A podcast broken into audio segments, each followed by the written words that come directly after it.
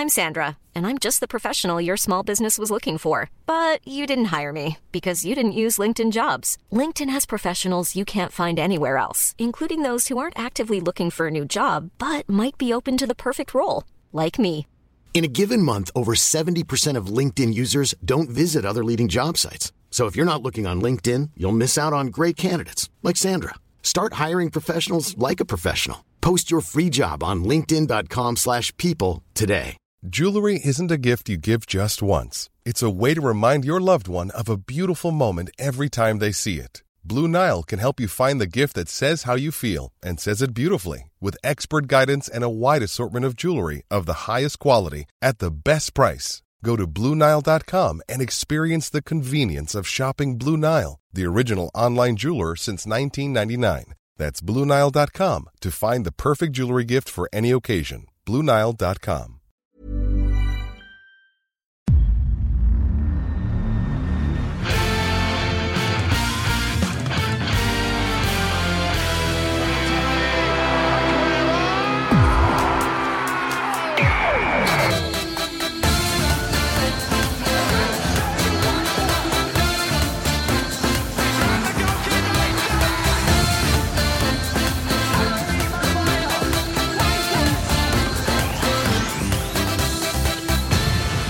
säger vi hjärtligt välkomna tillbaka till ett nytt avsnitt av Rule Britannia. Jag tror det är nummer 27, stolta Divock Origi-numret Fabian. Och äntligen så sitter vi tillsammans igen efter att du fick klara dig på egen hand i helgen. Origi tillbaka i Premier League också, hur känns det Dessutom. om vi börjar där? Alltså han har ju en av, eh, alltså en, en läktarsång, jag sjöng ju Rhythm is a Dancer Anthony Langa i förra podden, jag vill typ sjunga Saturday night and I like the way you move Divock Divock Origi. That Tuesday night when he made Barca look like shite. Nej, nu ska vi fan. Det här, nu har folk stängt av redan efter 48 sekunder. Deppigt, deppigt.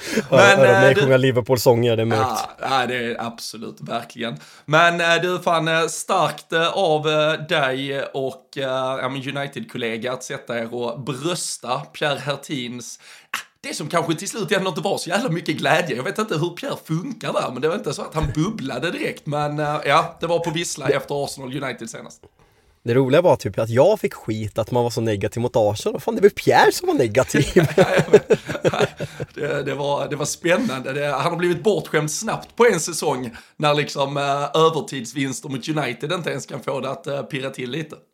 Ja nej men fan det var, det var nog en, kanske den tuffaste podden jag någonsin har spelat in. Liksom 07 mot Liverpool, då var det liksom, det var så surrealistiskt att man bara satt och garvade åt det i liksom förnekelse. Det här var, det här var tufft på riktigt och det berodde ju så mycket på, ja men Garnachos centimeter offsides när man trodde att man hade vunnit matchen men att man istället får det där målet. Det var, nej det var jobbigt och det var några jobbiga dagar sedan dess men här är vi. Fan du är hemkommen från Baskien, har vi en liten kort reserapport? Fick se lite fotboll och jävla massa mål fick du också göra.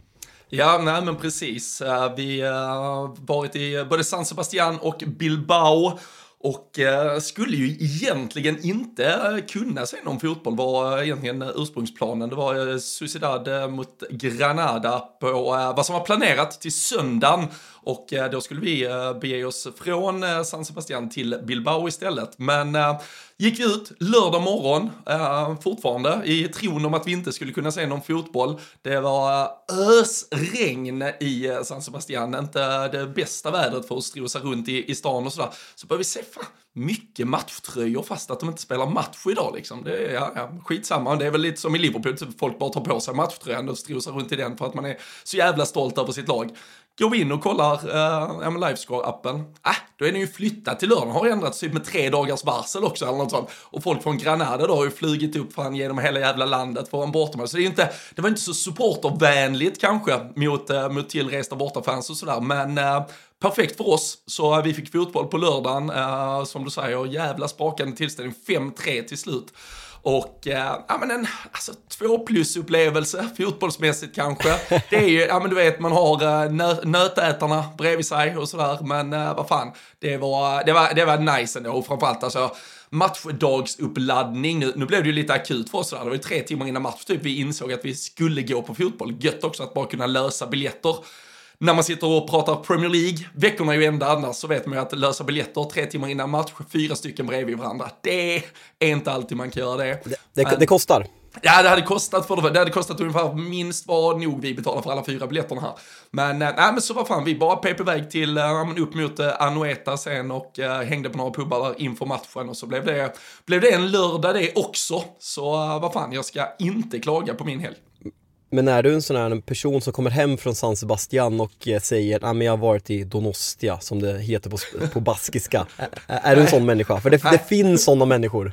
Nej, fy fan, de, de är långt ner på listan över vad man, eh, vilka människor man Nej, San Sebastian eh, håller vi hårt vid, men man har svårt så här, bara på några dagar, och då hade vi till och med då som sagt lite, lite regn och lite halvkast väder någon av dagarna vi var där, men att Alexander Isak flyttade från San Sebastian till Newcastle.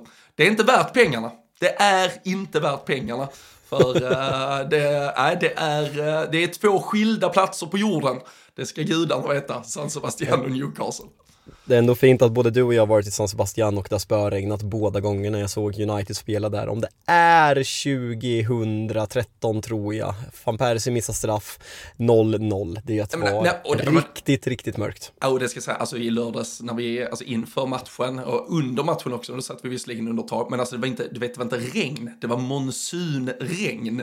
Och, eh, och det sjuka är, jag åkte ju med en, ja, ett gäng Liverpool-kompisar, Jocke Lundberg, som har varit med och gjort lite LFC-podd, jag körde Quisaleta med honom och lite annat. Eh, han var jag även i Valencia med förra året inför att Liverpool skulle möta Villarreal. Och eh, ifall någon har hört Erik Nivas ja vad är det, sju timmar Valencia-historia om 03.04 nu, så säger han i en liten passus bara, ja och i Valencia, det bästa med Valencia är ju att du har ju 300 soldagar om året, perfekt väder året om. Jag bara såhär, vad fan när jag var där med Jocke, monsunregn då också liksom.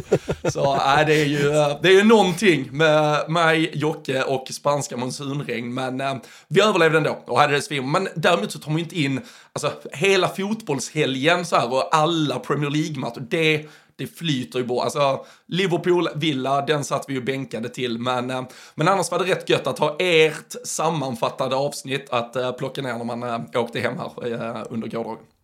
Ja, nej men det var kul. Det var kul att vara tre personer också och få lite olika perspektiv och tyckte som jag sa i podden att Micke gjorde en jävla superdebut. Så får vi, får vi bjuda in igen för att få lite andra United-perspektiv. Ofta lite positivare än vad jag är, ska säga. Så det var, det var kul. Vad, men då, då, då har du ändå fått, ja. måste ju säga, du har ändå fått lite backning på, eller liksom, alltså folk är lite på dig på Twitter. De tycker nästan du är för snäll mot United. Jag vet inte riktigt vilken podd det är de lyssnar på, men jag, men jag ser dem. Jag ser dem där ute som inte tycker att du har sågat ditt lag tillräckligt. Det var någon som skrev igår också, aldrig hört en podcast med två ödmjuka United-supportrar. Jag bara, vad fan, va? Är jag ödmjuk? Fabian, United? Nej! ödmjuk och okritisk? Nej, nej, nej, nej, nej. Det, ja, ja, vi får se. Nej, det, det, är, det, är inte jag, det är inte jag, det är inte nej, jag. Men nej. fan, vad, det har hänt ändå lite sen vi spelade in i söndag, så det är tisdag när vi spelar in där säger vi för att vara transparenta helt enkelt. Vad, eh, alltså det, det, det stora som har hänt är väl Jadon Sancho såklart och vi, vi ska komma komma dit, men om vi börjar att ta lite Liverpool-perspektiv från din sida. Mohamed Salah, det slutar inte ryktas om det här budet och nu sägs det vara uppemot nästan 200 miljoner pund. Eh, vad, eh, försök beskriva dina känslor inför det här. Saudiska fönstret stänger alltså på torsdag, om jag har förstått det rätt. Ja, precis. Och där, eh, det känns som man har haft lite olika bud på det där eh, fönstret eh, flera gånger nu här under sommaren när exakt det ska stänga. Men, men torsdag är... Förlåt att, jag förlåt att jag avbryter då, men vi har fan inte sagt det. Men alltså, ni kommer ju förmodligen se det på avsnittsbilden när ni lyssnar på det här men vi, vi ska ju bara sitta här och prata ungefär åtta minuter till. Vi har ju faktiskt en eminent jävla gäst som vi ska prata med idag. Vi ska alltså ringa upp Rickard Henriksson, programledare på Viaplay och eh, köra en klassisk faktaruta, gå igenom ja men prata med Rickard i en timme. Så uh, det här är bara liksom så här, vi ska prata lite här, gå igenom lite Liverpool, prata lite Sancho, lyssna på Marcus Tapper. Sen så, uh, sen så blir Rickard Henriksson i en timme och det är jag jävligt taggad för. Nu får ja, vi nej, prata om Salah igen. Ja, nej, men, precis, nej, men det är jag med och jag, jag, märkte det också. Men det var väl för att vi hade saknat varandra så mycket efter att liksom, ett avsnitt utan varandra. Så vi gick rakt in i vår, vår egen lilla relation här. Men uh, viktigt som du säger, understryka att Dagens, eh, eller det här avsnittets huvudperson, det är eh, Rickard Henriksson. Men, äh, nej men med Salah, alltså det är ju så sjukt. Nu är det ju dessutom, det är ju absurda pengar.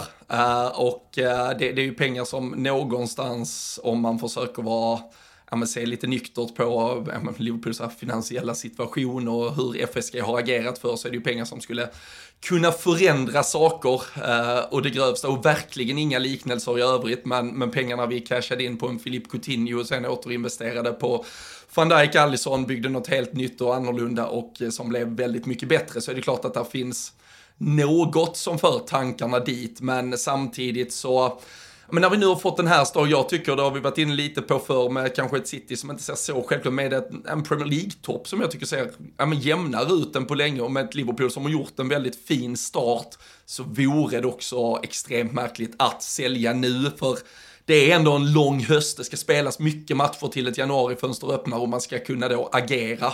Och sen så att vi faktiskt, för liksom, även om ryktena kanske intensifierades igen nu under gårdagen, så satt vi under helgen och snackade lite om det då i det här lilla Liverpool-gänget som var iväg, att alltså just högeryttrar, även om vi nu får 200 miljoner pund, om vi kan ta 100-120 av dem och investera i januari, vem fan köper man? Alltså vi, så här, Ja det är ju... Nej, det, det, det, fin, det, finns nej, inga. Alltså, det, är ju ett jävla dunderbud på Bukayo Saka typ, men han kommer inte gå till Liverpool.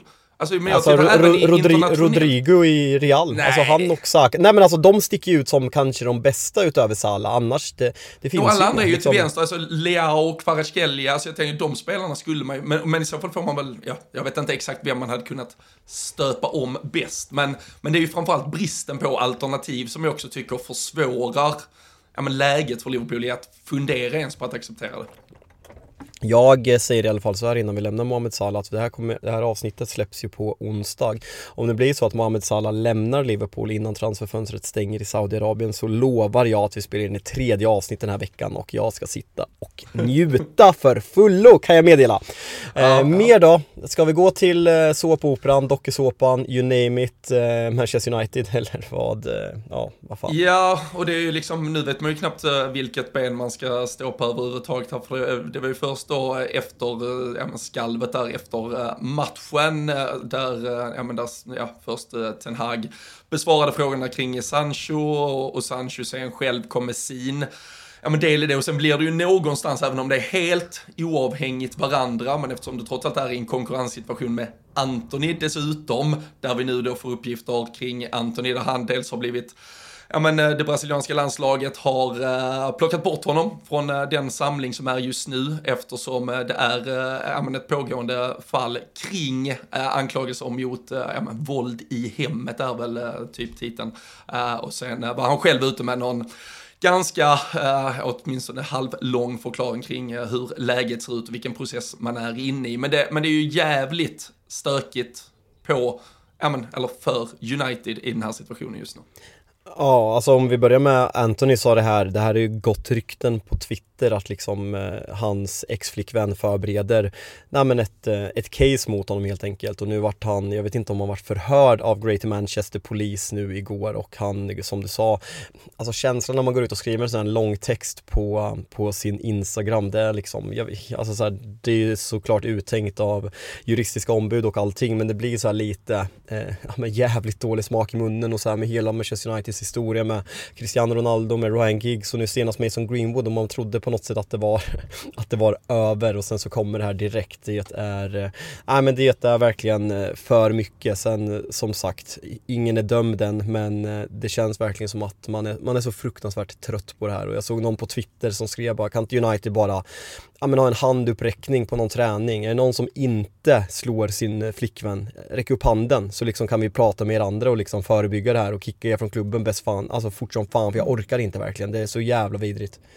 Ja, ja och, och, det blir ju någonstans den här stora problemet, alltså så här, jag fattar, ord står mot ord, jag har ingen aning vad som exakt har hänt, men just att direkt det då ja, men kommer upp till ytan i lite större omfattning, jag vet ju, du har ju faktiskt också antytt, eller du har ju, ja, jag vet att du har tagit del av de här ryktena kring Anthony, att du, det eventuellt fanns mer, så att säga, i klubben tidigare, det har du nämnt här också, men, men när det nu kommer upp till ytan och Anthony så snabbt är ute med det och han har sin miljonplattform. Han kan plötsligt, alltså det blir ju inte någonstans ord mot ord, utan det blir ju Anthony det blir den brasilianska landslagsstjärnans ord mot en till synes i sammanhanget okänd kvinnas. Så det blir, ja, det blir så lätt att skapa med, och vi har ju tyvärr sett, och, och liksom, de, de, de är ju inte några de är ju inte på något sätt skyldiga i sammanhanget, men just de här fotbollsspelarna och eh, som påstår sig liksom vilja skydda sina bröder. Vi såg det efter Mendy-fallet och så vidare. Alltså att det, det, är folk med så extrema plattformar som någonstans ändå kan backa upp varandra och få någonstans sätta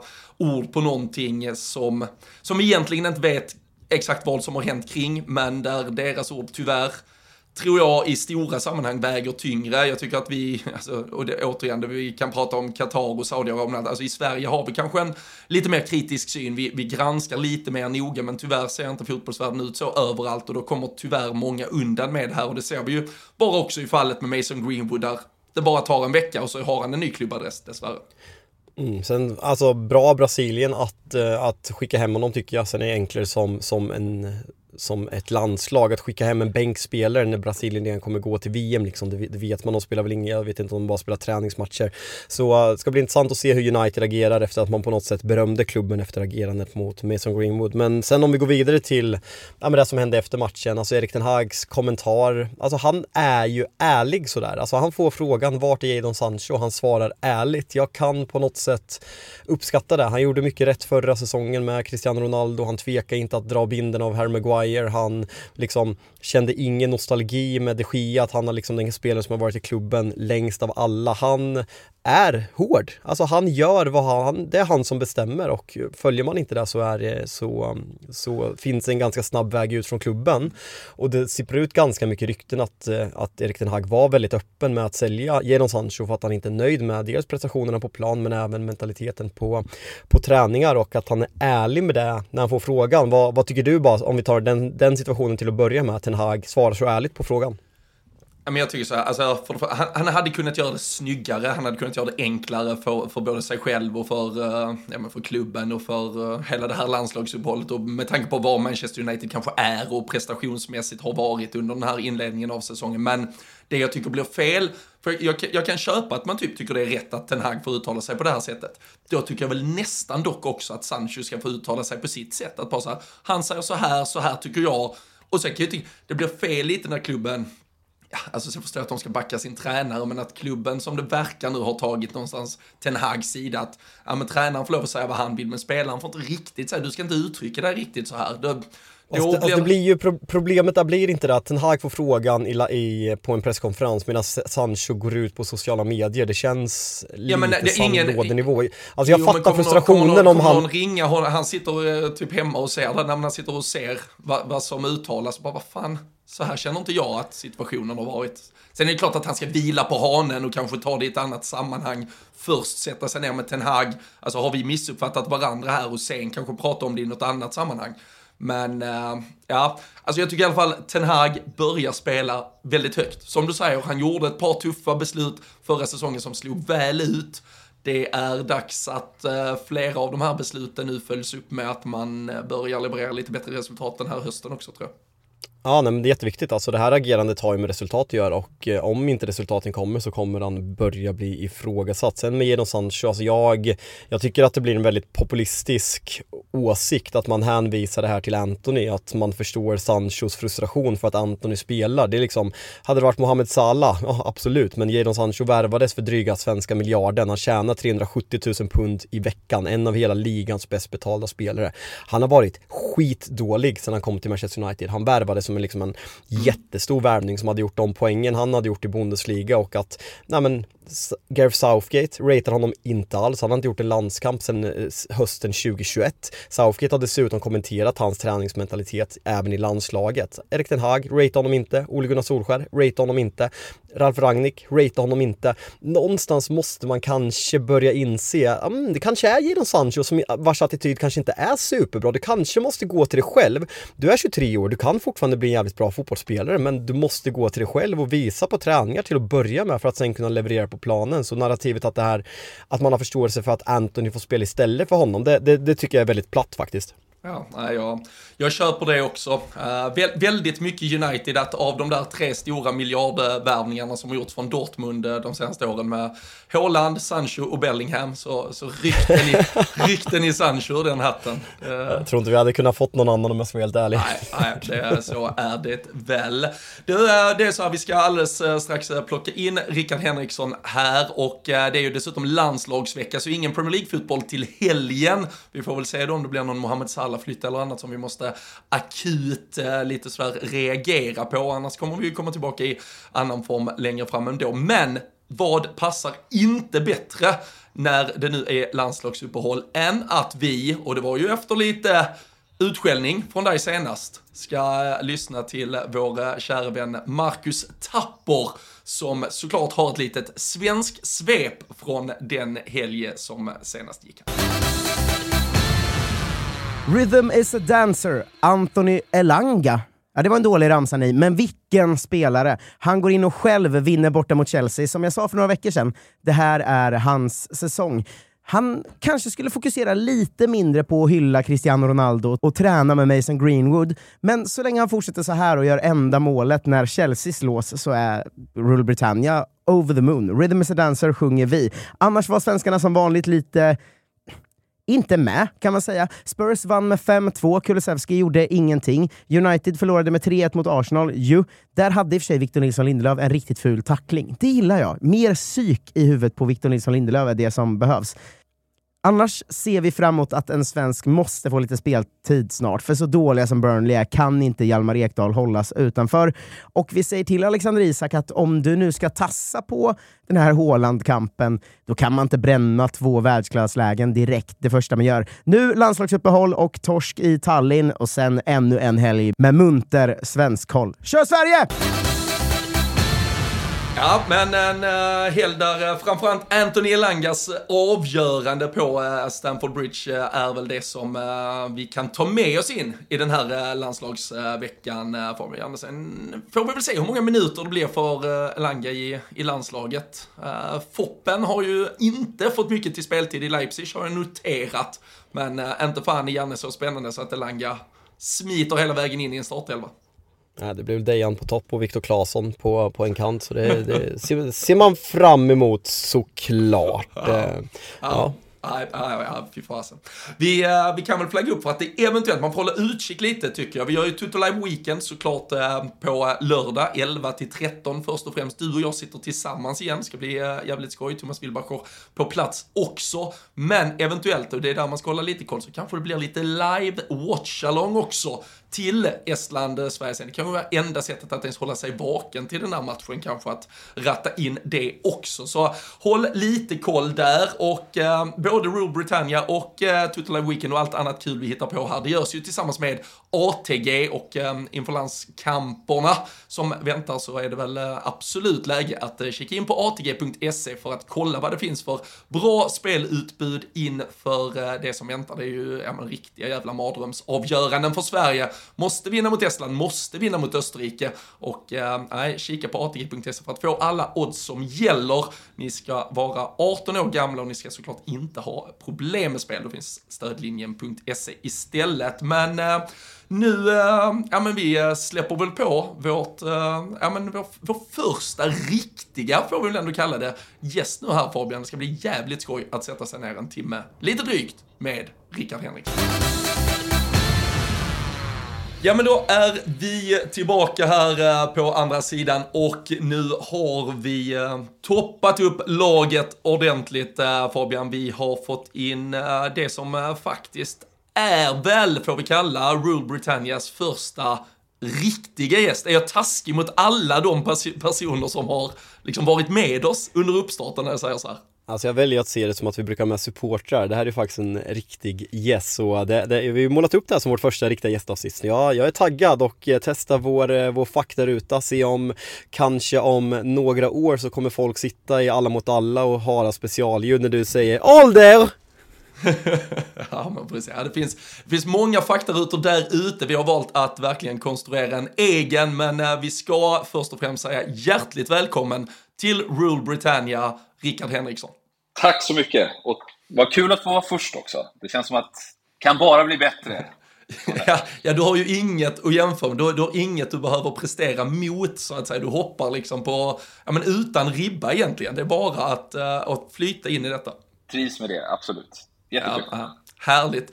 Jag, eh, jag tror att eh, de flesta har ganska bra koll på dig ifall man följer Premier League, vilket jag tänker är lite förutsättningen för att man ens lyssnar på den här podden. En eh, först eh, lång och fin eh, spelarkarriär som fotbollsspelare. Radiosporten tror jag många förknippar dig med. Men eh, sedan en tid tillbaka i programledarstolen på Viaplay och eh, då därmed väldigt förknippad med den Premier League-fotboll vi konsumerar idag. Eh, bara för att börja där, hur, eh, hur kul har det varit att kliva in i Premier League-bubblan?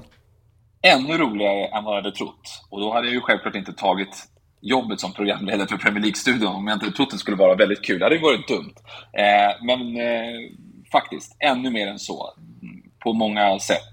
Inte minst eh, eftersom det är ett så härligt engagemang. Och det märker ju säkert ni också som gör en podd eh, om Premier League. Alltså det engagemanget som finns kring ligan, det intresset som finns kring allt från de stora lagen till även de mindre. Och upplever jag i alla fall eh, engagemang på ett väldigt härligt sätt. Eh, folk vill diskutera, folk har åsikter, eh, men så på ett respektfullt vis. Eh, jag trodde inte eh, innan att det skulle vara att det skulle vara så mycket snack kring förstås det som händer på planen, alltså själva fotbollen i sig. Men kring studion, kring innehållet, kring reportage och annat. Vi får väldigt mycket, eller jag får väldigt mycket feedback eh, och den är uteslutande i positiv ton. Alltså det kan vara folk som har åsikter. Jag, men, jag, menar, jag, jag gillar den grejen att man känner att man med oss, i alla fall någon som sitter i studion,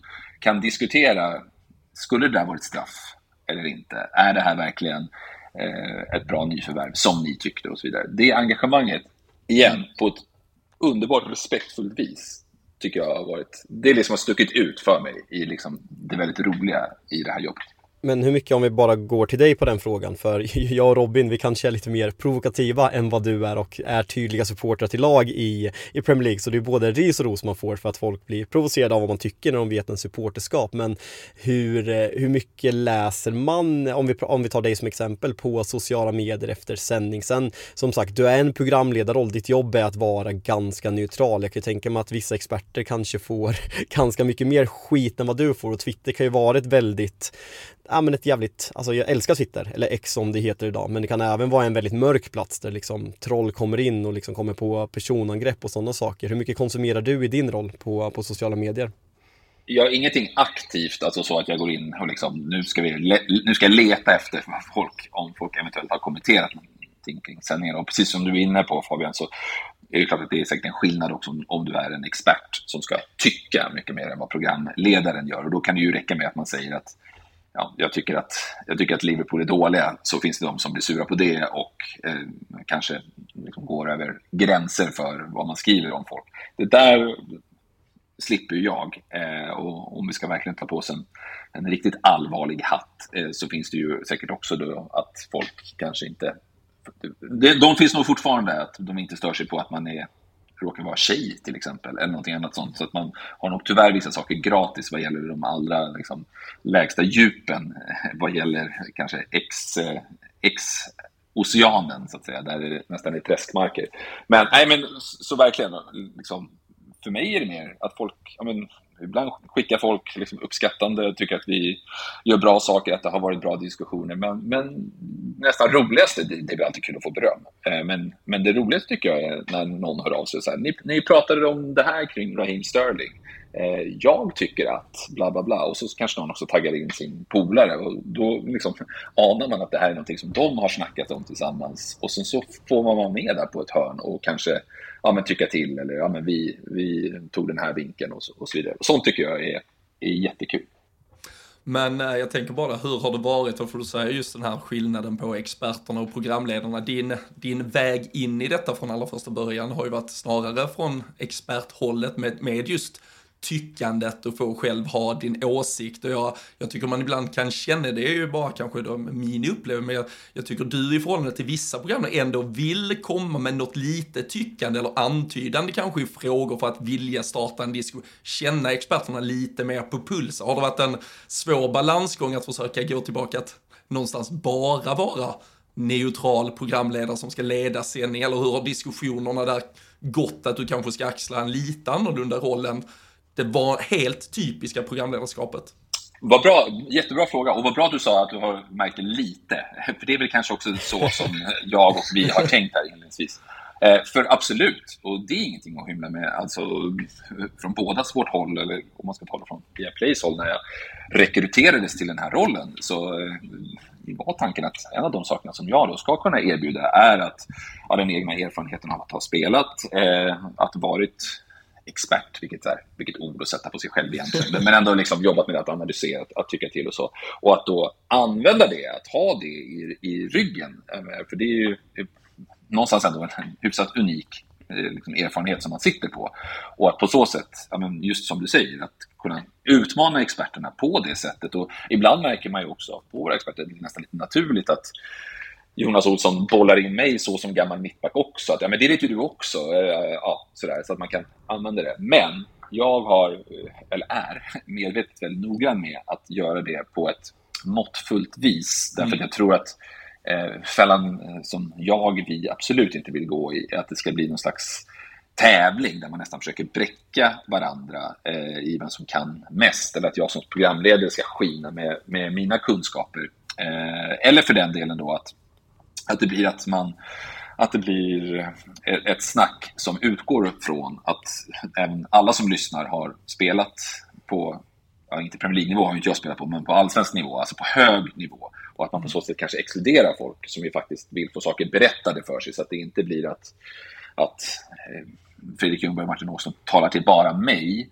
och därför utgår från att jag har en hel del förkunskap, vilket såklart inte alla som tittar har. Så det där blir en balansgång, liksom, att använda sig av erfarenheten för att få ut mer av experterna. Och det där som ni har är ju målet. Det där blir inte alltid bra och det där lyckas man inte alltid med. Och ibland kan man känna att det flyger jättebra och ibland inte. Men jag tror också att, att liksom, om jag skulle trycka ner i halsen på de som tittar hela tiden att jag har varit med om det här och jag vet också och jag kan det här då tror jag att eh, det tror jag inte skulle bli bra.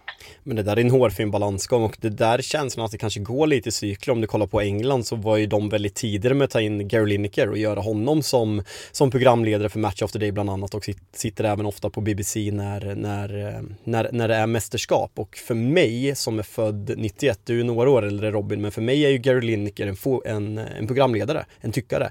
Jag har inte sett honom spela fotboll, för jag är ju för ung för det. Så det är ju de väldigt bra och hans kemi kemi med Shearer i Match of the Day och Michael Richards nu även på senare tid. Och sen om vi bara tar ett annat svenskt exempel, det är ju dels dig Rickard men även Gusten som jobbar på, på Simor. Tidigare när man växte upp så kom ju alla programledare från journalistiken medan nu kommer du från fotbollen och Gusten, ja ah, alltså journalistik till viss del men han är ju en poddare kanske i grund och botten så han har ju väldigt mycket åsikter så det är en, det är en ny värld kontra om man växte upp i, framförallt i Sverige just nu. Ja, precis. Och där tycker jag att alltså, Gary Lineker precis som du säger, har ju liksom bred erfarenhet. Han, han är också skicklig på att, eh, eh, att värdera när han ska använda sig av eh, jag har varit med om det här själv, eller det här säger min erfarenhet, det här Ja, nu är jag en journalist som ställer nyfikna frågor och det är klart han har ju liksom lång erfarenhet på BBC och där är jag också glad att jag har i ryggen 12 år på Sveriges Radio, vilket ju såklart ger en, vill jag mena i alla fall, ett journalistiskt djup eh, som eh, som hade varit svår om jag hade liksom, spelat i Allsvenskan fram till i fjol och sen så satt mig i en programledarstudio. Nu, för det är ju väldigt mycket också, det ska man inte glömma bort. Alltså att, eh, ja, som all liksom, live-fotboll är, så är det, det är journalistik i stunden. Alltså avgöra vad som är viktigt, vilken diskussion är bra, vad måste vi ta upp, vilken vinkel ska man ta på det. Eh, så att det gäller att ha båda två. Det, det går ju liksom inte bara att sätta sig där och säga att jag har spelat i Allsvenskan, eh, danska ligan och, så, och spelat u landskamper jag kan fotboll, nu kör vi. Eh, utan man måste, ju ha, man måste ha mer djup än så. Ska få en fråga till innan vi går in på den riktiga faktarutan som alltså inte ens har börjat. Men eh, vad heter det, jag, jag vet inte om jag har sagt det Robin, men jag, jag, jag har ju faktiskt bott i England. jag måste sluta säga sådär. Nej men, nej, men Rickard, frågan är, jag konsumerar ju väldigt mycket nej, men engelska fotbollsstudier och kanske framförallt Match of the Day. Om vi pratar programledarrollen, jag har nämnt Gary Lineker, men David Jones som jobbar på, på Sky Sports håller jag extremt högt och liksom den kemin han har med framförallt eh, Jamie Carragher och Gary Neville, alltså den mixen mellan ja, men, extremt vass kunskap med banter. Kollar ni någonting på svenska studier vad man gör i England och man har, vad man har gjort så fantastiskt bra för att skapa den dynamiken som de har där? Ja, absolut. Eller kollar man, alltså, det är inte så att det görs i plenum att nu ska vi kolla på det här tillsammans och lära sig. Jag tittar extremt mycket, eh, alltså nu då efter att jag sedan ett år tillbaka jobbar med det här, just för att ta inspiration. Jag tittar mycket på svenska studior och inte minst på mina kollegor på eh, Viaplay. Alltså vad gör de och hur gör de? Sen gäller det att hitta sin egen, alltså, superklyschan. Nästan lika klyschigt som att du har bott i England, eh, Fabian. Att man måste vara sig själv. Eh, men det gäller att hitta sig själv i mediet. Men, men det tror jag, alltså, det ska verkligen inte underskattas hur mycket som är eh, kemin man skapar i en studio. Eh, alltså hur man, om man tar programledarperspektivet, hur det är med respektive expert. Vi har ju väldigt många experter, eh, som ni vet, och som säkert de som lyssnar vet också, att vi går runt på. Liksom, vilket jag tycker ger jättebra variation i diskussioner och annat. Men, men dynamiken är ju annorlunda. Två eller tre experter kontra varandra, kontra vilken programledare det är. Eh, och det är också en styrka, men, men där är väldigt det är ett svårt jobb som programledare att det måste vara jättemycket människokännare. Att, för att, trots allt så är programledarens huvuduppgift, är ju liksom att, i vår kontext i alla fall, få ut det mesta av experterna. Hur, liksom, vad får igång Fredrik Ljungberg på bäst sätt? Vad får igång Johanna Frisk? Vad, vad, var ska man dra någonstans? Åt vilket håll ska man dra med bojen eh, för att få det här Bojan, vass, Bojan löser Bojan löser det själv. Att analysera Manchester United i en paus. Liksom. Så det är jättemycket människokunskap. Eh, som ju är så här, ja, det är inte fast materia, utan ja, det, det, är svårt att ta på eh, exakt vad det är. Eh, och det där jobbar jag dagligen med och liksom ja, men, titta på andra studier, hur de gör. Titta äh, jättemycket, tittar alltid i efterhand på mina egna eh, insatser, vilket ju inte alltid är förknippat med bara att man, man sitter och älskar sig själv. Men liksom att man som fotbollsspelare gör det, alltså analyserar sig själv och tittar på det, så får jag i alla fall ut väldigt mycket av titta på vad vi gjorde och dra lärdomar och sådär. Ja, härligt och eh, jag tror i alla fall jag talar för ganska många om att vi är, vi är väldigt glada att, eh, att ha dig där i eh, Viaplay-studion och ser fram emot fortsatt arbete. Men nu ska vi ta oss in i eh, den eh, faktaruta som ska, ja men någonstans i alla fall lära känna dig som, eh, ja men någon form av Premier League-konsument och kanske vad som har fått kärlek till den här ligan, sporten att växa genom åren, vad du kanske tycker och tänker om vissa saker och så får vi väl se lite vart, vart vi landar när vi nu sjösätter Rule Britannias alldeles egna faktaruta för första gången. When you're ready to pop the question, the last thing you want to do is second guess the ring. At BlueNile.com you can design a one-of-a-kind ring with the ease and convenience of shopping online. Choose your diamond and setting. When you find the one, you'll get it delivered right to your door. Go to Bluenile.com and use promo code LISTEN to get $50 off your purchase of $500 or more. That's code LISTEN at Bluenile.com for $50 off your purchase. Bluenile.com code LISTEN. Hiring for your small business? If you're not looking for professionals on LinkedIn, you're looking in the wrong place. That's like looking for your car keys in a fish tank. LinkedIn helps you hire professionals you can't find anywhere else, even those who aren't actively searching for a new job but might be open to the perfect role. In a given month, over 70% of LinkedIn users don't even visit other leading job sites. So start looking in the right place. With LinkedIn, you can hire professionals like a professional. Post your free job on linkedin.com slash people today. Hey there, it's Michelle Norris. I'm host of a podcast called Your Mama's Kitchen. When I travel, I'm usually looking for a way to find a taste of home when I'm not at home. And one of the things I love to do when I am at home is entertain. And Airbnb allows me to do that. When I was in California recently, I rented a house that had a great kitchen. And when we were sitting around the table, we we're all thinking, we're in someone else's house. Someone could be in all of our homes as well. If you have a home, but you're not always at home, you have an Airbnb. Your home might be worth more than you think. Find out how much at airbnb.com slash host. Och eh, vi börjar väldigt enkelt. Vi går ganska långt tillbaka antagligen och så frågar vi vilket ditt första minne av engelsk fotboll är? Första konkreta minnet, vet att jag tittat på Tips Extra innan dess, är fa Cup-finalen 1990. Den första av de två finalerna mellan Manchester United och Crystal Palace som slutade 3-3. Okej, är det något som ringer några klockor där Fabian för dig? 3-3 Alltså, United. Så är det här, är det här, är det Fergusons första titel? Är det helt ute och cykla? Eller är den kanske något år innan fan han sitter med på pottkanten här? Vad fan är han heter?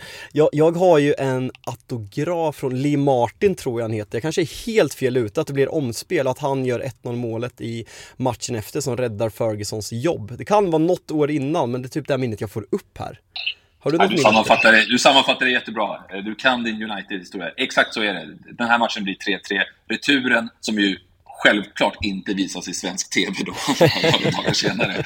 Den vinner United med 1-0 och Lee Martin eh, gör det målet. Och precis, många pratar ju om att det här liksom, eh, räddar kanske Fergusons jobb och blir deras första titel och sen så bara liksom, rullar det på. För det har ju varit år då, United faktiskt har varit ganska svag.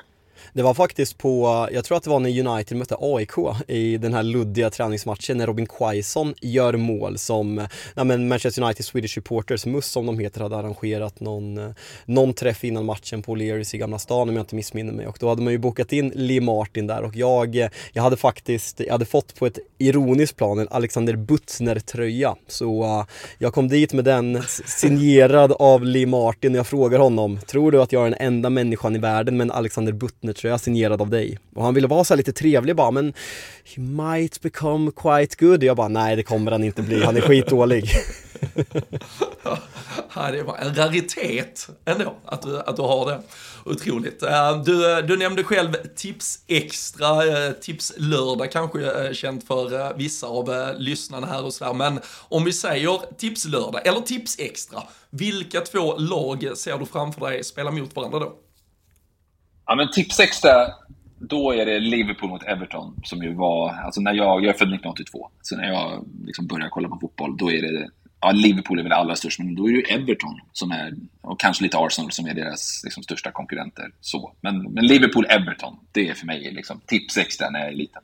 Men vad, vad, vad innebär det här mötet för dig? Alltså vi vet ju ja, men senaste åren med att Everton har haft ganska rejäl kräftgång och i Premier League-eran så har det varit Liverpool som har varit den dominanta klubben även om man inte har vunnit så mycket, fick jag det sagt också. Eh, vad, men vad, vad, vad tänker du på när du tänker på Merseyside-derbyt? Contrary till vad man kan tro när jag bara drar upp så här jättegamla saker här, som att jag vore supergammal, så lever jag inte så mycket i förgångna. så jag tänker inte på det, eh, så mycket på det sättet eh, faktiskt. Alltså, det är en häftig match, men ja, det är inte så att jag... Jag är inte på platsen att så här, oh, det här är för mig originalmötet. Eh, som jag, det, det ska jag inte ljuga och säga. Och sen är tips, om man ska gå vidare till tips lördag, eh, 90-talet, så är ju det för mig, då är ju det Manchester United. Eh, jag hade eh, jätte, jättemånga kompisar eh, som höll på Manchester United. Eh, och ja, hela framgångseran. liksom, eran. Så att när jag tänker tips extra, eh, tips extra, då är det Liverpool, Everton. Tipslördag, då tänker jag Manchester United. Mycket Eric Cantona eh, är det som kommer nu när ni frågar så här direkt. Liksom. Mitten 90-talet, United är bra, Cantona är cool. Känns ju nästan som, eh, jag vet inte, vi kanske tar oss någon annan vart med, med nästa fråga, men, eh, men du är inne och, eh, och tassar på, på något som skulle kunna nästan vara svaret på det i så fall. För om du tänker på en specifik matchtröja från Premier League-historien, alltså lag, upplaga, namn på ryggen, vilken tröja ser du framför dig då? Jag vet precis vilken tröja jag tänker, därför att jag skippade nästan det steget. Alltså fa Cup-finalen 1990 gör att jag i några år börjar heja på Crystal Palace. Eh, de var ju underdogs där. Ian Wright kommer in och gör två mål. Spelar lite, lite in också att när jag var liten eh, så gick jag och min pappa som är djurgårdare på alla Djurgårdsmatcher. Steve Galloway var ju stjärna i Djurgården på slutet av 80 Han hade någon slags, i alla fall, eh, ungdomstid i Crystal Palace. Fint namn, betyder Kristallpalatset. Så några år där höll jag på Crystal Palace och 1992 så fick jag en match, deras matchtröja. Och igen, gubbvarning här. Nu kan vem som helst få en matchtröja hur lätt som helst, var som helst ifrån. Att liksom lyckas lägga vantarna på en äkta Crystal Palace matchtröja 1992 var... Liksom, de var tvungna att åka till London eh, och liksom åka ut till Sellers Parks klubbshop och köpa den. Och det gjorde min pappa. Den fick jag. Eh, så att, eh, rent själviskt så tänker jag på, på den. Vad, eh, vad tror vi, får ju stanna lite, vi ska, nu ska vi inte måla upp något, något stort Crystal Palace-supporterskap här eventuellt, vi vill ju inte, vi vill inte starta några, några ryktesspridningar, men Roy Hodgson och Crystal Palace, vad, vad tror vi att de kan åstadkomma den här säsongen? Han hänger väl kvar. Jag tänkte på Palace häromdagen. Alltså, det ska verkligen sägas. Jag höll på Crystal Palace då mellan 1990 och 1995. Sen släppte jag det. Och så här, jag har respekt för de som är supportrar och fans. Alltså som verkligen supportar sina lag. Så att jag, långt innan jag började jobba med Premier League, har verkligen varit så här, så här jag hejar inte på Crystal Palace. För det, jag tycker att det är eh, ja, nästan ett orespekt mot de som faktiskt verkligen gör det. Finns det något värre än folk som poserar att de hejar på eh, vissa lag när de egentligen inte gör det? Så jag gör inte det. Eh, men, eh, men Hodgson, alltså jag, men jag tänkte på det med Palace häromveckan. Att det var nog kanske när de vann mot Wolves några dagar innan vi spelade in det här, eh, att den klubben upplever ju verkligen sin Pax Romana just nu, alltså sin bästa tid någonsin, så länge de har varit uppe i högsta ligan. Och tänkte att det är nog typ Palace och givetvis då Manchester City som ändå är mitt uppe nu. Brighton är väl på väg dit också. I, mitt uppe i ett, en längre tid som man verkligen kan säga att så här, det här är det bästa som vi har varit med om i historien. Eh, och hejarna alltså, som jag på Crystal Palace mellan 1990 och 95, då var det ju verkligen så här. fa kuppfinal kom trea, åkte ur året efter, gick upp, åkte ur igen. Alltså det var upp och ner. Och eh, ta, alltså, efter att jag mm, liksom, slutat vara supporter så höll ju klubben på att liksom, gå i konkurs. Men nu har man ju varit ett stabilt ändå Premier League-lag här i flera säsonger, vilket för en sån klubb är ju på gränsen till otroligt. Eh, så på det viset tänker jag kring Crystal Palace. Och nu ser det ju ut med Roy då som att, att liksom här efter fyra omgångar som att ja, men det blir väl smooth sailing den här säsongen också. Kör, kör, kör, körde du eh, studion när Roy Hodgson gästade er eh, förra säsongen? Nej, jag gjorde inte det. Jag satt och tittade och, och njöt istället. Ja, men, det, ja, men det, var så, det var så surrealistiskt att dels att han, att han sitter där för att sen träna i den ligan några månader senare och samma sak med Ben Foster var där som gäst. Då var du programledare, eller hur? Ja, det är oförglömligt minne. Ja. Hänga med Ben Foster idag, det kan rekommenderas. Kan, tänk, kan tänka mig att han är bra på att festa. Och sen blev det, blev det Wrexham där på, på hösten. Fan, det var mycket britter. Vad heter det? Reading var ju ute. Vet när vi skulle ha, hade gjort så här sändningar under, under fotbolls-VM och skulle ha avslutning. Då skulle gå ut och köra, köra middag på kvällen. Då var ju Reading ute och Andy Carroll var ute i Stockholm. Där kan jag också tänka mig att det inte spottades i glaset. Nej, eh, Andy Carroll eh, har nog, eh, nej, en och annan drink kan, kan nog trilla. Men, men just det där med Crystal Palace, det var faktiskt något vi, vi gjorde ju inför avsnitt i somras inför säsongen på, på alla lag. Och då pratade vi ju om det med Crystal Palace och kanske om vi generaliserar den typen av lag, att, att kanske ha en garant i Roy Hodgson som åtminstone alltså, säkerställer att ditt lag kommer på 14 plats, ni behåller Premier League-statusen varje, det är kanske inte värt att chansa och att kunna bli lite bättre med Patrick Vieira. Att kanske komma tia en gång, om det också innebär att säkerhetsbältet lite släpps av och du också riskerar att åka ur. Det, det är ju såklart en väldigt trå... Men med tanke på hur Premier League ser ut numera med pengarna som är i många av klubbarna så är ju övre halvan nästan låst område för klubbar som Crystal Palace och då måste du väl bara ha garanten som löser kontraktet istället för att försöka brottas med de där jävla jättarna. Ja, men lite så. Alltså, det ska ju möjligtvis vara om man gör ja, men det här är helt otroliga som Brighton håller på med, som ju går långt bortom, ja, nu har de ju en väldigt bra tränare, men det är ju liksom långt bortom bara ha en bra manager som får ut mycket av, av spelarna, utan liksom, ja, ett helt tänk och ett konglomerat av klubbar för den delen också. Men, men det man kan säga om, som jag tycker är häftigt med Roy Hodgson ändå, för det visst, liksom, han är ju en, han är en mimevänlig, eh, snäll farbror så på många sätt, men, men det är också imponerande hur en sån gammal man eh, liksom, jag blir imponerad av hur han uppenbart, inte minst när han tog över nu, på något sätt, alltså han hittar ju till de här spelarna. Alltså Crystal Palace kärna är ju ändå liksom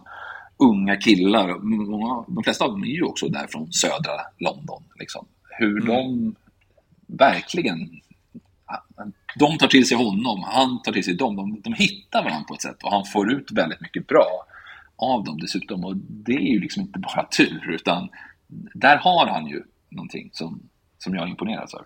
Ja, nej, otroligt, uh, otrolig karriär. Eh, som, som Liverpool-supporter så finns det ju en, en viss liten eh, tagg kring en, en prestation under ett halvår som, som, som gör det svårt att uh, ta sig till. Men jag har träffat honom i samband med en del evenemang kring Malmö FF och lite annat också. Så en, en otrolig människa åtminstone. där, där, stannar, där stannar jag väl i min, i min åsikt kring, kring honom baserat på lite supporterskap också. Men eh, om du fick välja två stycken av Steven Gerrard, Paul Scholes, Patrick Vieira och Frank Lampard till ditt centrala mittfält, vilka två väljer du då? Då får det bli eh, Vieira och Lampard. Väljer bort både Liverpool och United-spelaren. smart val ändå. Konsekvensneutral, jag svarar ärligt. Ja, vad, eh, vad föredrar du i en, eh, i en mittfältare annars? Vad, vad, är, vad är mittfältaren som får dig att eh, känna att fan, den här spelaren, han har grejer? Oj. Eh, personligen, det som är härligt med fotboll är att man ju ofta speglar sig själv på olika sätt i klubbar man gillar, spelare man gillar och annat. Eh, jag säger inte att, att det är facit, men det som jag hade som fotbollsspelare var att jag eh, hade spelsinne. Eh, liksom var väl skolad, hade bra speluppfattning. Det gör att när jag ser spelare som har det eh, så kanske för säga, jag känner igen mig när jag ser Frank Lampard. nej, men ni förstår vad jag menar, att liksom, attribut som man själv kanske har hade nära, oavsett vilken nivå man har varit på, att man kan ja, in, kanske imponeras av det. Det kan man ju för göra om det är någonting man inte mäktade med heller. Men, men jag tror att jag liksom, också när jag spelade, hade mycket lättare, och det är kanske en svaghet på min sida, men jag hade lättare att, att förhålla mig till lagkamrater som förstod spelet väl än de här som kanske, om man ska ta Steven Gerrard, en otrolig fotbollsspelare, det vet ju alla, men som kanske är lite mer tar egna initiativ och är all over the place, vilket också kan ge mycket nytta. Jag tror ni förstår min poäng. Eh, men jag, jag fann det lättare att spela med Vera Lampard-typer på det viset. Jag tror ändå att du framstår som mer ödmjuk när du säger att du ser, att du ser likheter i dig själv och Frank Lampard kontra när Robin ska be mig i min division 3-karriär analysera försvarsspel, hur man skulle agerat, eh, hade vi något segment här för någon vecka sedan här. med un understöd och andra press så du, eh, ja, nej, du, du ligger i, ja, du ligger i läder helt enkelt.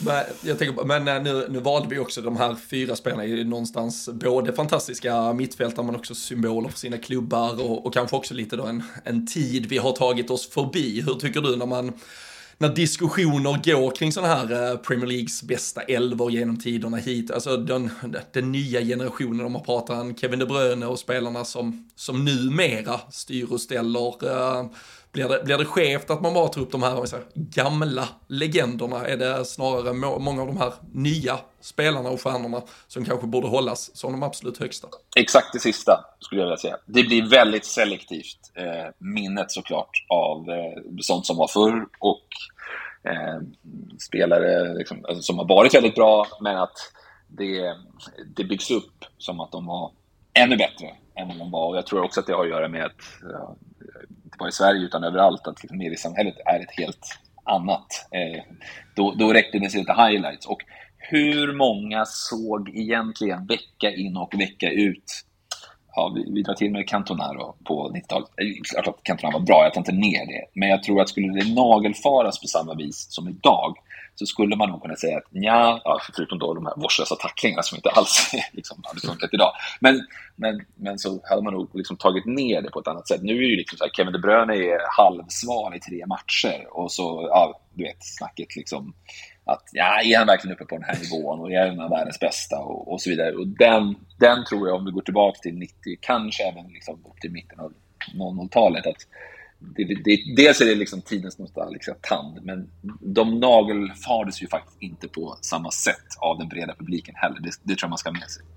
Nej, men jag tycker precis det du säger, för just alltså de, det är många spelare, när man tittar på statistik och så vidare sen tillbaka så är det ju, det, det, ser ju inte lika imponerande ut då längre när man, när man sätter sig ner och faktiskt jämför. Som du säger, jag tror också, det kunde nog vara både tre och fyra månaders perioder där man var ganska sval, men sen gjorde man mål i en FA Cup kvartsfinal eller något så var man bäst i världen igen. Här är det ju som du säger, gör man inte typ två mål i varje stormatch så är man ju lite, lite kass igen.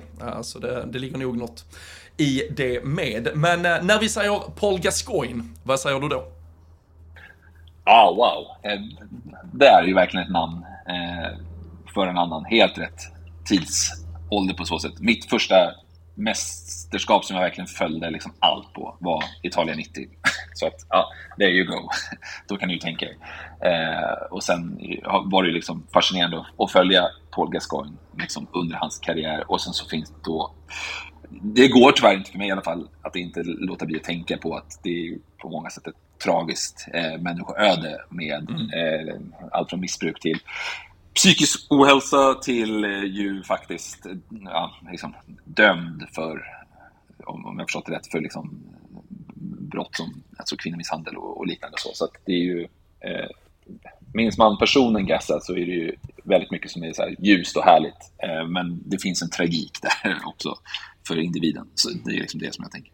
Men för, för mig som, eh, jag var inte ens född VM 90, du som ändå är åtta år och växer upp med Gascoigne i den här väldigt formbara åldern. Hur mycket, ja men om, vi, om du försöker minnas tillbaka mellan åtta år VM 90 till 96 när han spelar hemma EM. Hur mycket var det bar, var det mest liksom fokus på att han var den fantastiska underhållande tekniska spelaren eller liksom även i den åldern du var i då? Var det snack om de problemen han hade vid sidan av? Nej, absolut ingen snack om någonting vid sidan av. Eh, alltså, jag var ju ung, men eh, jag tror inte det skrevs om och fattade jag att Gassanov var en sån som festade för mycket. Nej, det tror jag faktiskt inte. så. Däremot så var ju Paul Gascoigne var ju, förutom att han var väldigt bra fotbollsspelare, så var han ju liksom, ter sig stenålders idag. men Han var ju unik, liksom, att han levde ut väldigt mycket känslor på planen. Alltså, nu är det inte så ögonfallande att se en fotbollsspelare gråta när han har förlorat en match eller vunnit en match. Men att Paul Gascoigne liksom grät när han får det här, liksom, vet att han kommer missa finalen mot Västtyskland. Det var oerhört, eh, minns jag det som, på det viset. Eh, och sen så, ja, men, han var ju verkligen en, en, spelare som kom ut och var övertänd till matcher. Ni har säkert ändå koll på historieskrivningen kring liksom FA-cupfinalen 91 mot Nottingham. Så Gas är ju så övertänd så att så att han liksom, går ju bara och kapar folk, sen då drar han knät själv som ett resultat av det och så vidare. Och när han kom till Serie A, vilket jag minns väldigt väl, när han kom till Lazio, det var ju världens bästa liga då. Eh, var ju liksom samma sak, han bara, liksom levde ut ett helt känsloregister. Och samma sak då också förstås i EM 96. Så han var, han var på den tiden väldigt unik i att, där det kanske var, annars var lite mer den här, så här Terry Butcher, Brian Robson, bitar ihop stuket i England så var, var Gassa en annan figur. Liksom.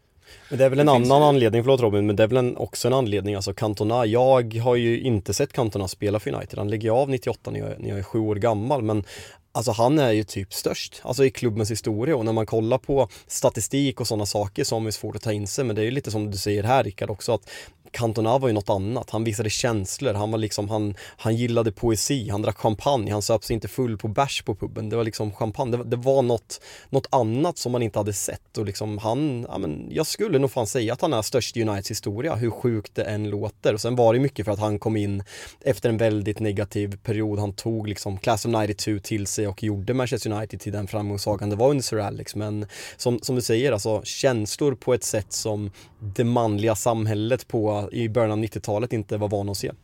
Vi går eh, vidare och eh, jag tänker eh, ifall du haft någon och någon som sticker ut, men vilken har i så fall varit din häftigaste läktarupplevelse i England? Ja, du drar till England där. Jag började direkt tänka på eh, stora mästerskap. Eh, Jag förstår det, men vi får hålla detta till eh, åtminstone England eh, och kanske gärna Premier League ifall det finns något. Okej, upp. ja. Mm, Premier League har jag varit på en del. Jag skulle ljuga om jag sa att jag i mitt bortskämda fotbollsliv har någon så här Premier League-upplevelse som sticker ut som wow, vilken, vilken läktarupplevelse. Däremot så, den är inte så positiv. Eh, Men om, men om jag ska hålla mig inom England ändå, så var jag på EM-finalen mellan England och Italien och jobbade eh, på det så kaosartade Wembley som då väl fick ta in 80 000, men det var säkert 100 000 inne och det var, hade varit fylla hela dagen och bråk. Och, så det var, det, det var inte alls positivt, utan snarare en av få gånger då jag varit på fotboll och känt att så här, här, kan, här kan vad som helst hända. Liksom. Hur med, alltså för det är ju, alltså kontexten kring att det trots allt är någon form av, jag ska inte säga att det är ett avslut på pandemi, men det var ju nästan crescendot för dels att fotbollen var tillbaka, att läktare fylldes på och Ja, men det, det kändes ju verkligen som där, alltså ett, ja, men ett epicentrum för just alltså, fylla fest, stök och där man typ, det, det kunde vara sista natten i ens liv kändes det som att engelsmännen gick ut med inställning. Hur, hur upplevde ni det där redan på, på morgonen? Förstod man att okej, okay, det här kan nog bli något helt sinnes... Alltså man såg ju köer till pubarna flera timmar innan de öppnade och allting. Hur mycket av det tog ni in på plats? Väldigt mycket kan jag säga. Det var ju, som du säger, liksom slutet på pandemin. Så att det var ju det speciella. Han hade åkt till Sverige, som vi hade gjort det för att jobba. Det var när jag jobbade på Sveriges Radio. Eh, då fick man ju inte gå ut ur hotellrummet, förutom när man skulle till Wembley. Eh, man var ju i karantän. Men utanför fönstret, så redan på morgonen så liksom, kom ju drivor med eh, lads, lads, lads gäng som hade liksom haft ja, om inte champagnefrukost, åtminstone alkoholintag till eh, innan klockan nio. Alltså då, riktigt i gasen. Det var nog lite annat Festa också. får man väl göra. Alltså party är ju en sak. Men, men då anar man liksom så här, okej, nu är ju det här, nu är det verkligen party här tidigt. Och man vet ju när sånt går överstyr. Kommer ut till Wembley många timmar innan avspark, liksom vis av erfarenhet, när det är sådana här stora mästerskap, att vara ute i god tid, hellre sitta inne på arenan i så fall och vänta. Och man märker direkt när man kommer ut där på Wembley Way att så här, oj, här är det aggressiv stämning och det kastas grejer. Och inte, inte liksom att det är två supportergrupper mot varandra, utan bara st- allmänt stök. Liksom. Och jag såg ju Eh, alltså på vägen in till arenan så såg jag flera som just bara rusade in förbi då avspärrningar eller staket liksom, där det stod några vakt, tafatta vakter. Vad ska de göra? Liksom, där kommer 150, liksom, det ser ut som unga byggarbetare från Wolverhampton liksom, som bara kör. Eh, och då fattar man att okej, okay, då är de inne på Wembley. Och det där förstod man ju också sen och såg vi bilder på liksom bara pågick. Och jag såg även inne på Wembley, alltså innandömena där, hur det liksom folk väljer in, hoppar över avspärrningar. Folk som är inne lackar på de som gör det och så blir det slagsmål dem sinsemellan. Folk har ju bara liksom på typ läktarna och ställt sig eller satt sig och så kommer folk med biljetter. Det kan vara ganska svårt läge och bara så här, det här är våra platser, flytta på er liksom. Utan fick gå och ställa sig i gångarna. Så det var, nej, det var en, det var en märklig upplevelse, eh, liksom hur det var runt omkring där på, på läktaren kring den här EM-finalen. Det, det, det, finns ju dessutom då dessvärre väldigt många historiska tragedier i den engelska fotbollshistorien, alltså med, med Hillsborough och, och Hazel och ja, det finns, det finns andra. Vi kan gå till, eh, hur upplevde ni snacket på plats där? Ja men Timman, alltså började by, by, byggas upp någon rädsla bland folk på plats att fan, det här kan ju gå riktigt illa till och med? Ja, jag... Liksom, tack och lov, eftersom det inte, eftersom det inte finns stängsel och så, så tror jag inte att jag tänkte ändå att så här, folk kan klämma till döds. Men jag, jag tänkte, nu förlorade ju England matchen. Jag tänkte, vad händer efteråt? Alltså, mm. Hur kommer det här kulminera? Vad är bäst utifrån ett säkerhetsperspektiv? Att England vinner eller att England förlorar? Eh, och det kanske var bra att de förlorade då, för då liksom dog ju partykänslorna ut lite i alla fall. Så, där. så det var mer den känslan, att eh, vart, vart kommer det här ta vägen? Eh, liksom. Men tack och lov så det var ju en, det var en superskandal, en arrangörsskandal på många sätt. Men, men det blev ju inte det blev ju inte så farligt som man definitivt i flera timmar gick runt med känslan av att så här, här är någonting helt off. Liksom. Ja, jag förstår. Vi, äh, läktarupplevelse behöver vi inte eh, fastna i så fall, men äh, du gjorde ju själv äh, tidigare också, det var väl både för Radiosport men också poddserien Matchen. Du får rätta mig om jag har fel om det inte var via, via Radiosporten, men då var det ju specifika matcher du satt och gick igenom och mindes tillbaka till med, med flera av våra stora svenska hjältar om det finns matcher i Premier League-historien annars som, eh, som dyker upp för dig, uh, som du kan minnas tillbaka till. Uh, du, vill ju, du vill ju bara ha ett svar här Robin, jag orkar inte prata om Agüeros mål ännu en gång. Agüeros Nej, nej, nej, nej, nej. Det, det betyder ingenting för mig faktiskt.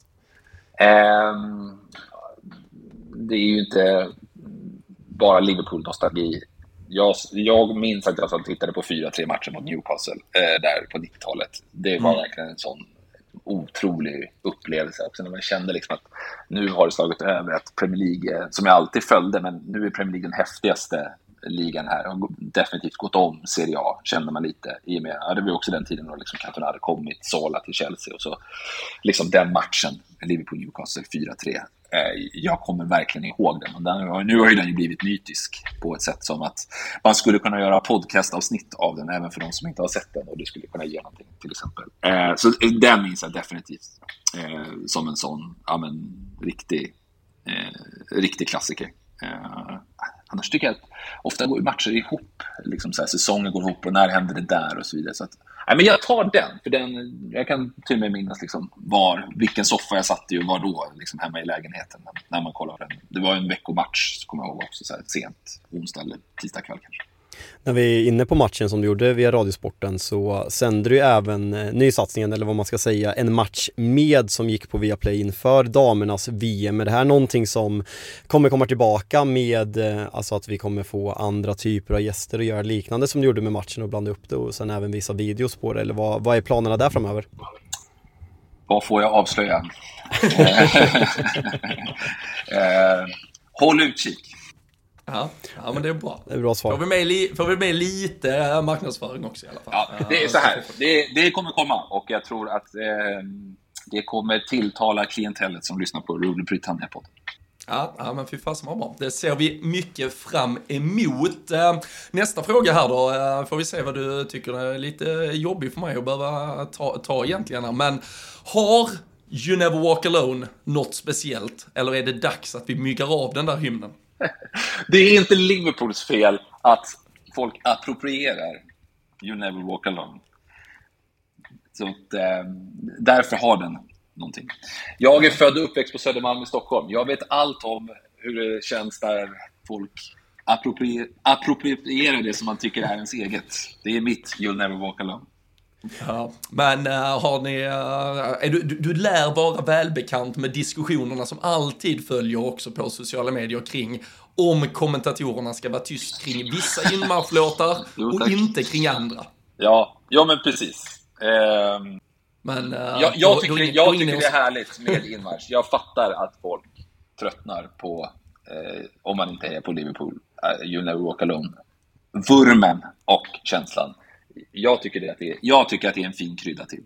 Men jag tror att också att jag är väl medveten om, som sagt, att jag inte befinner mig längst ut på eh, supporterskalan i Premier League. Så därför sitter jag inte på, på facit heller. Jag har ju ett NFL-lag som jag håller stenhårt på. Och om det är någon konkurrent till oss där som får omhuldad eh, liksom behandling, då, då blir jag också sur. Så att jag har förståelse. Men själv tycker jag inte, jag själv gillar det. Här, det här kommer jag ihåg att vi pratade om senast vi såg. Vad, vad, vad kom NFL-intresset ifrån? Om vi bara svävar iväg, att du liksom, du säger att du är inte supporter till något Premier League-lag eller direkt eh, fotbollslag på det här sättet, men att det är NFL som, som fastnade som supporter. Jag blev jätteintresserad redan som ung när det började gå på svensk eh, TV och jag hade liksom någon sån amerikansk kanal så jag kunde titta på eh, amerikansk fotboll också. Så jag har alltid gillat sporten. Eh, och så liksom började jag heja på New Orleans Saints. Eh, och sen när man blir vuxen och gör det som jag gör nu så blir det en väldigt skön ventil. Alltså jag tar in den sporten enbart som supporter. Eh, det går ju liksom inte för mig att eh, titta på Premier League nu, egentligen någon fotboll och inte tänka ur ett liksom, jobb perspektiv. Antingen liksom den här spelaren, det här laget eller som vi var inne på tidigare, den här studion, eller den här kommentatorn eller den här experten. Så. Men NFL, det bara liksom njuter jag av och liksom hänger mig till att vara supporter och typ langa ut tvn när liksom alltid döms bort av domarjäveln. eh, liksom. Så tänker jag inte kring liksom, vår fotboll. Så typ där. Ja, superhärligt. Vad, eh, vad säger vi egentligen om Arsenals Invincible-säsong? Visst, man förlorar inte, men 12 kryss och i sammanhanget bara 90 poäng.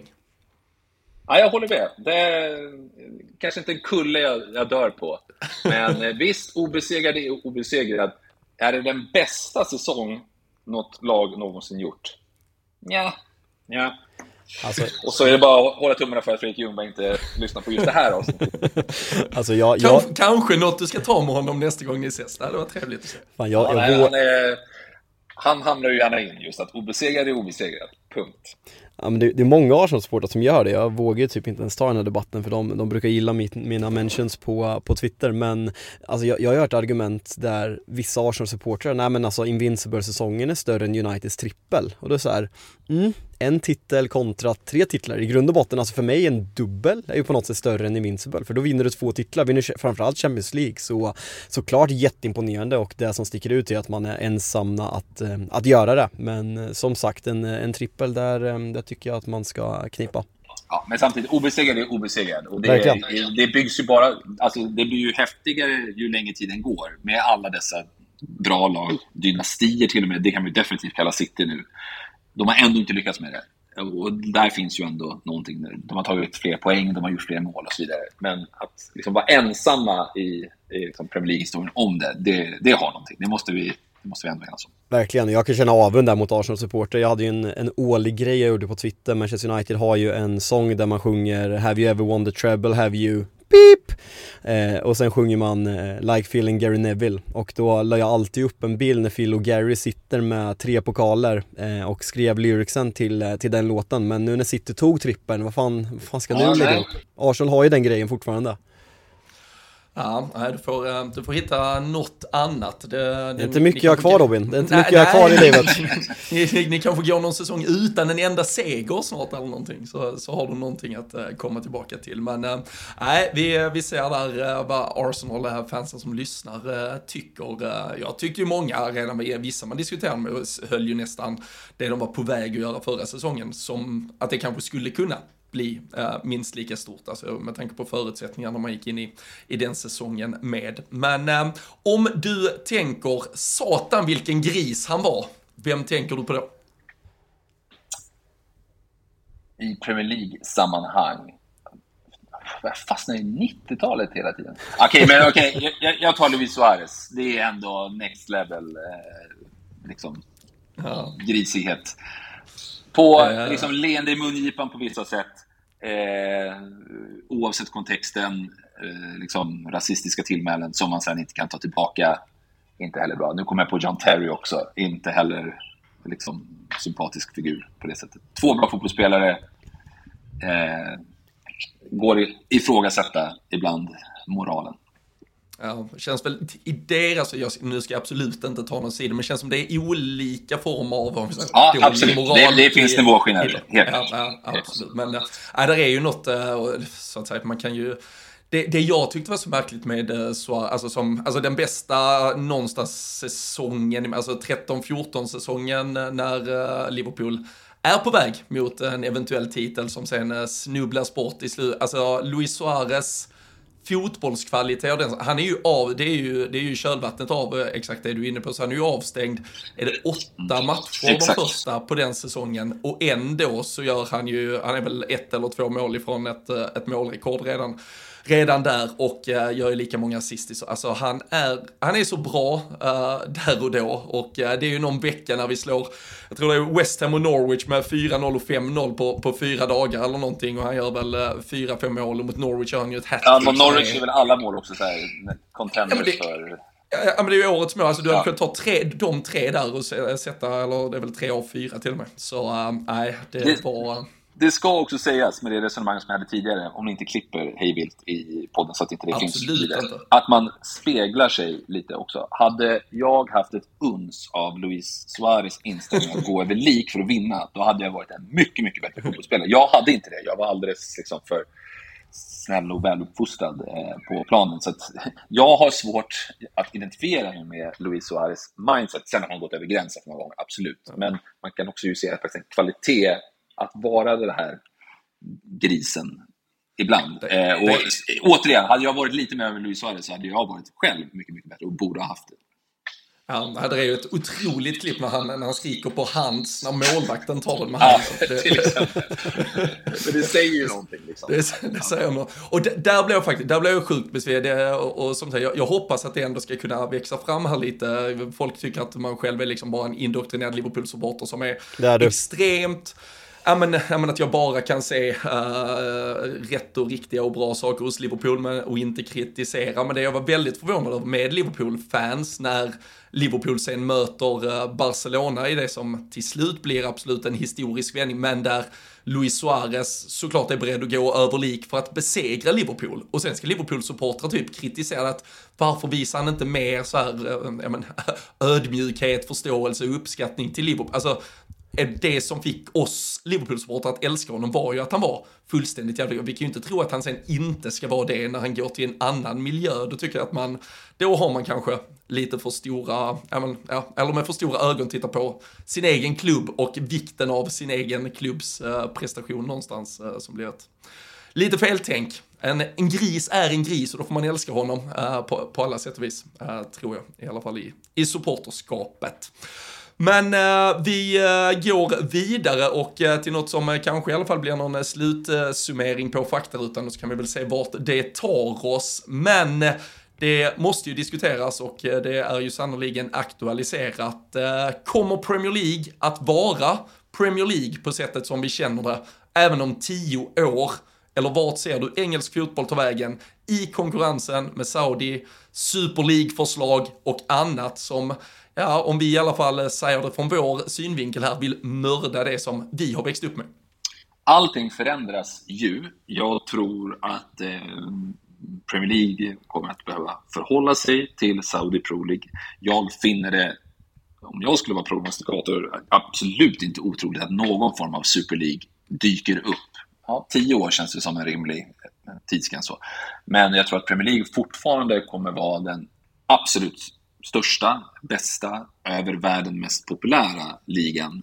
Och därigenom eh, nu pratar jag utifrån också min yrkesroll, den mest intressanta ligan att följa. Eh, Premier League tycker jag är, är fascinerande på så många sätt. Allt från, och det är väl det är kärnan, är ju liksom supporterskapet som finns i England, som är anledningen till att vi tre sitter här i Sverige och pratar om, om det vi gör, att ni har lyssnare till, till er podd, att det som jag var inne på tidigare, alltså engagemanget som finns kring Premier League-sändningarna i TV är i Sverige.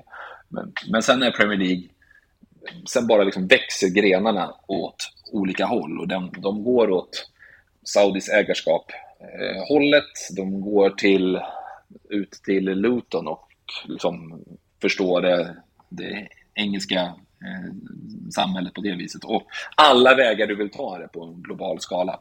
Att Premier League kommer förändras och ha saker att förhålla sig liksom, kring och till. Definitivt. Eh, att det kommer fortfarande vara den, den största och den mest intressanta fotbollsligan. Det känner jag mig helt övertygad om. Tror du, tror du att ligan som sådan med just, eh, och vi, vi har tillräckligt mycket i den här eh, podden redan gått tillbaka till ett 80-tal, ett 90-tal som satte sina spår hos supporterskap och, och lag som man då växte upp med på det sättet. Tror du att de här lagen och supporterskapen som finns kring klubbarna hade kunnat klara även en, om vi säger urvattning av talang, alltså nu, vi är ett steg på vägen, men, eh, men när vi kanske om, om det så är om fem år eller tio år, verkligen har de bästa spelarna, om vi objektivt tittar på det, i en Saudi Pro League, tror du att det kommer flytta support, eller kommer supporterskapen som ändå finns, är det det som gör att vi behåller Premier League i någon form av pole position, att spelarna till så att det, ja, kvaliteten kommer inte avgöra, det kommer handla om var känslorna finns, var rivaliteten finns och att den ändå finns i Premier League. Ja, det är jag helt övertygad om. Eh, nu är jag inte säker på att Saudi Pro League eh, liksom kommer ha den liksom, utvecklingen. Men om den har, att de fortsätter att i samma takt eller liksom fyller på med bra spelare, då skulle jag vilja hävda att alltså, om du tittar på den poolen som finns av bra fotbollsspelare, då kanske den andelen som inte är i Premier League är ungefär samma som den var jag höftar, 2005 när spanska mm. liga definitivt Serie A eh, kunde härbärga sådana spelare eh, och till viss del även Bundesliga. Alltså det som har, har hänt sen dess, som tar det tidsspannet då, fram till idag, det är ju att Premier League har eh, rensat. Ja, visst, Barcelona, Real Madrid, eh, Bayern München är liksom undantagen, så PSG. Men annars så rensar ju Premier League. Eh, de bästa, många av de bästa spelarna från Serie A eh, är ju i klubbar, ja, men det behöver jag inte berätta för er, det är ju liksom Wolves och, och Crystal Palace eller vad det nu kan vara. Alltså, liksom, Crystal Palace har större omsättning än vad AC Milan har. Eh, så att så utifrån spelarpoolen, och jag menar, intresset var stort 2005, så det tror jag också visar att här, det, är inte, det är klart att, de, att det måste finnas bra spelare i Premier League för att det ska vara ett globalt intresse, men, men det försprånget finns redan där. Så att jag, jag, jag ser inte det framför mig att det skulle urvattnas, nej.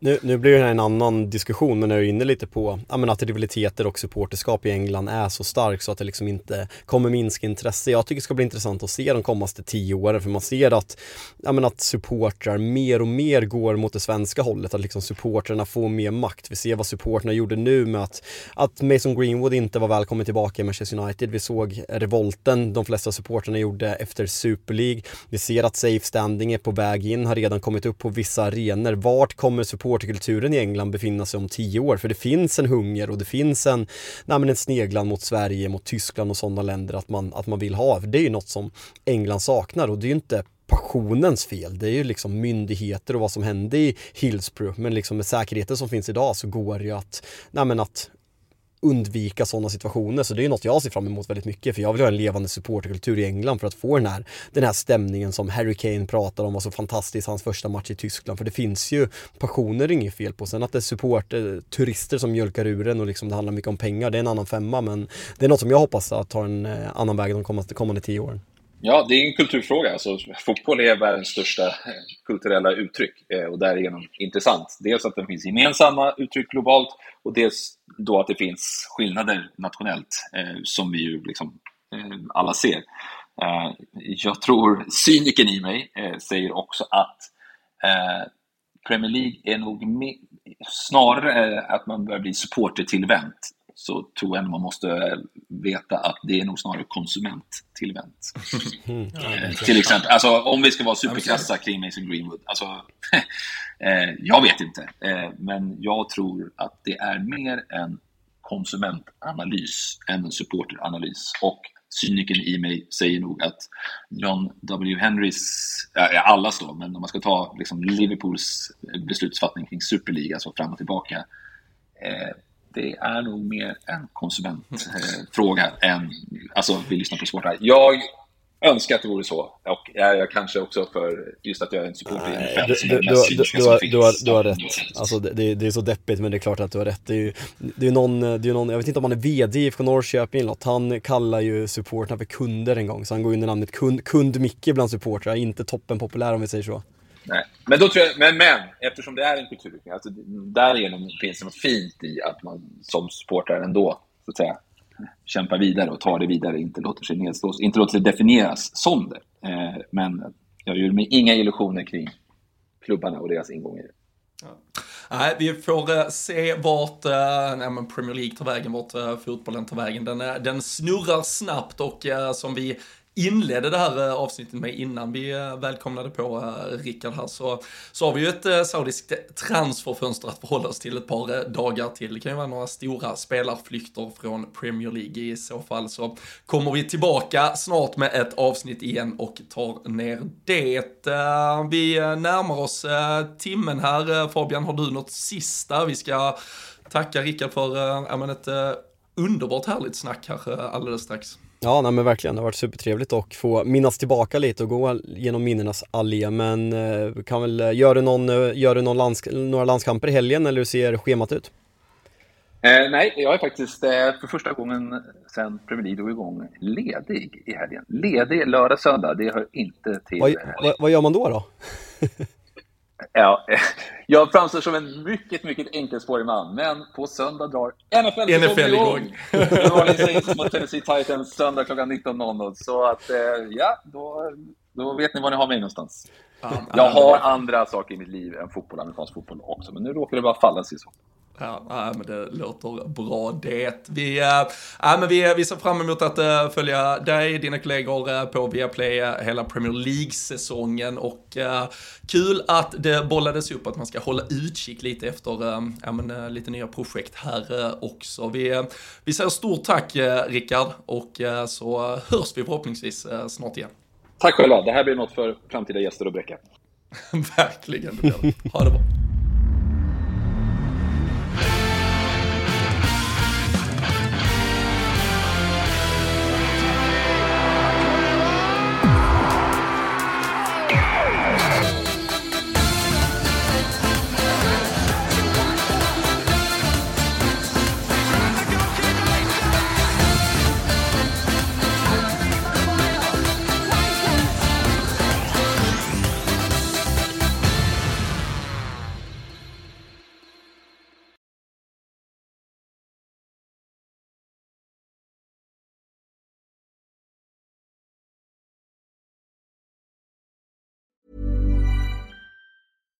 Hi, I'm Daniel, founder of Pretty Litter. Cats and cat owners deserve better than any old fashioned litter. That's why I teamed up with scientists and veterinarians to create Pretty Litter. Its innovative crystal formula has superior odor control and weighs up to 80% less than clay litter. Pretty Litter even monitors health by changing colors to help detect early signs of potential illness. It's the world's smartest kitty litter.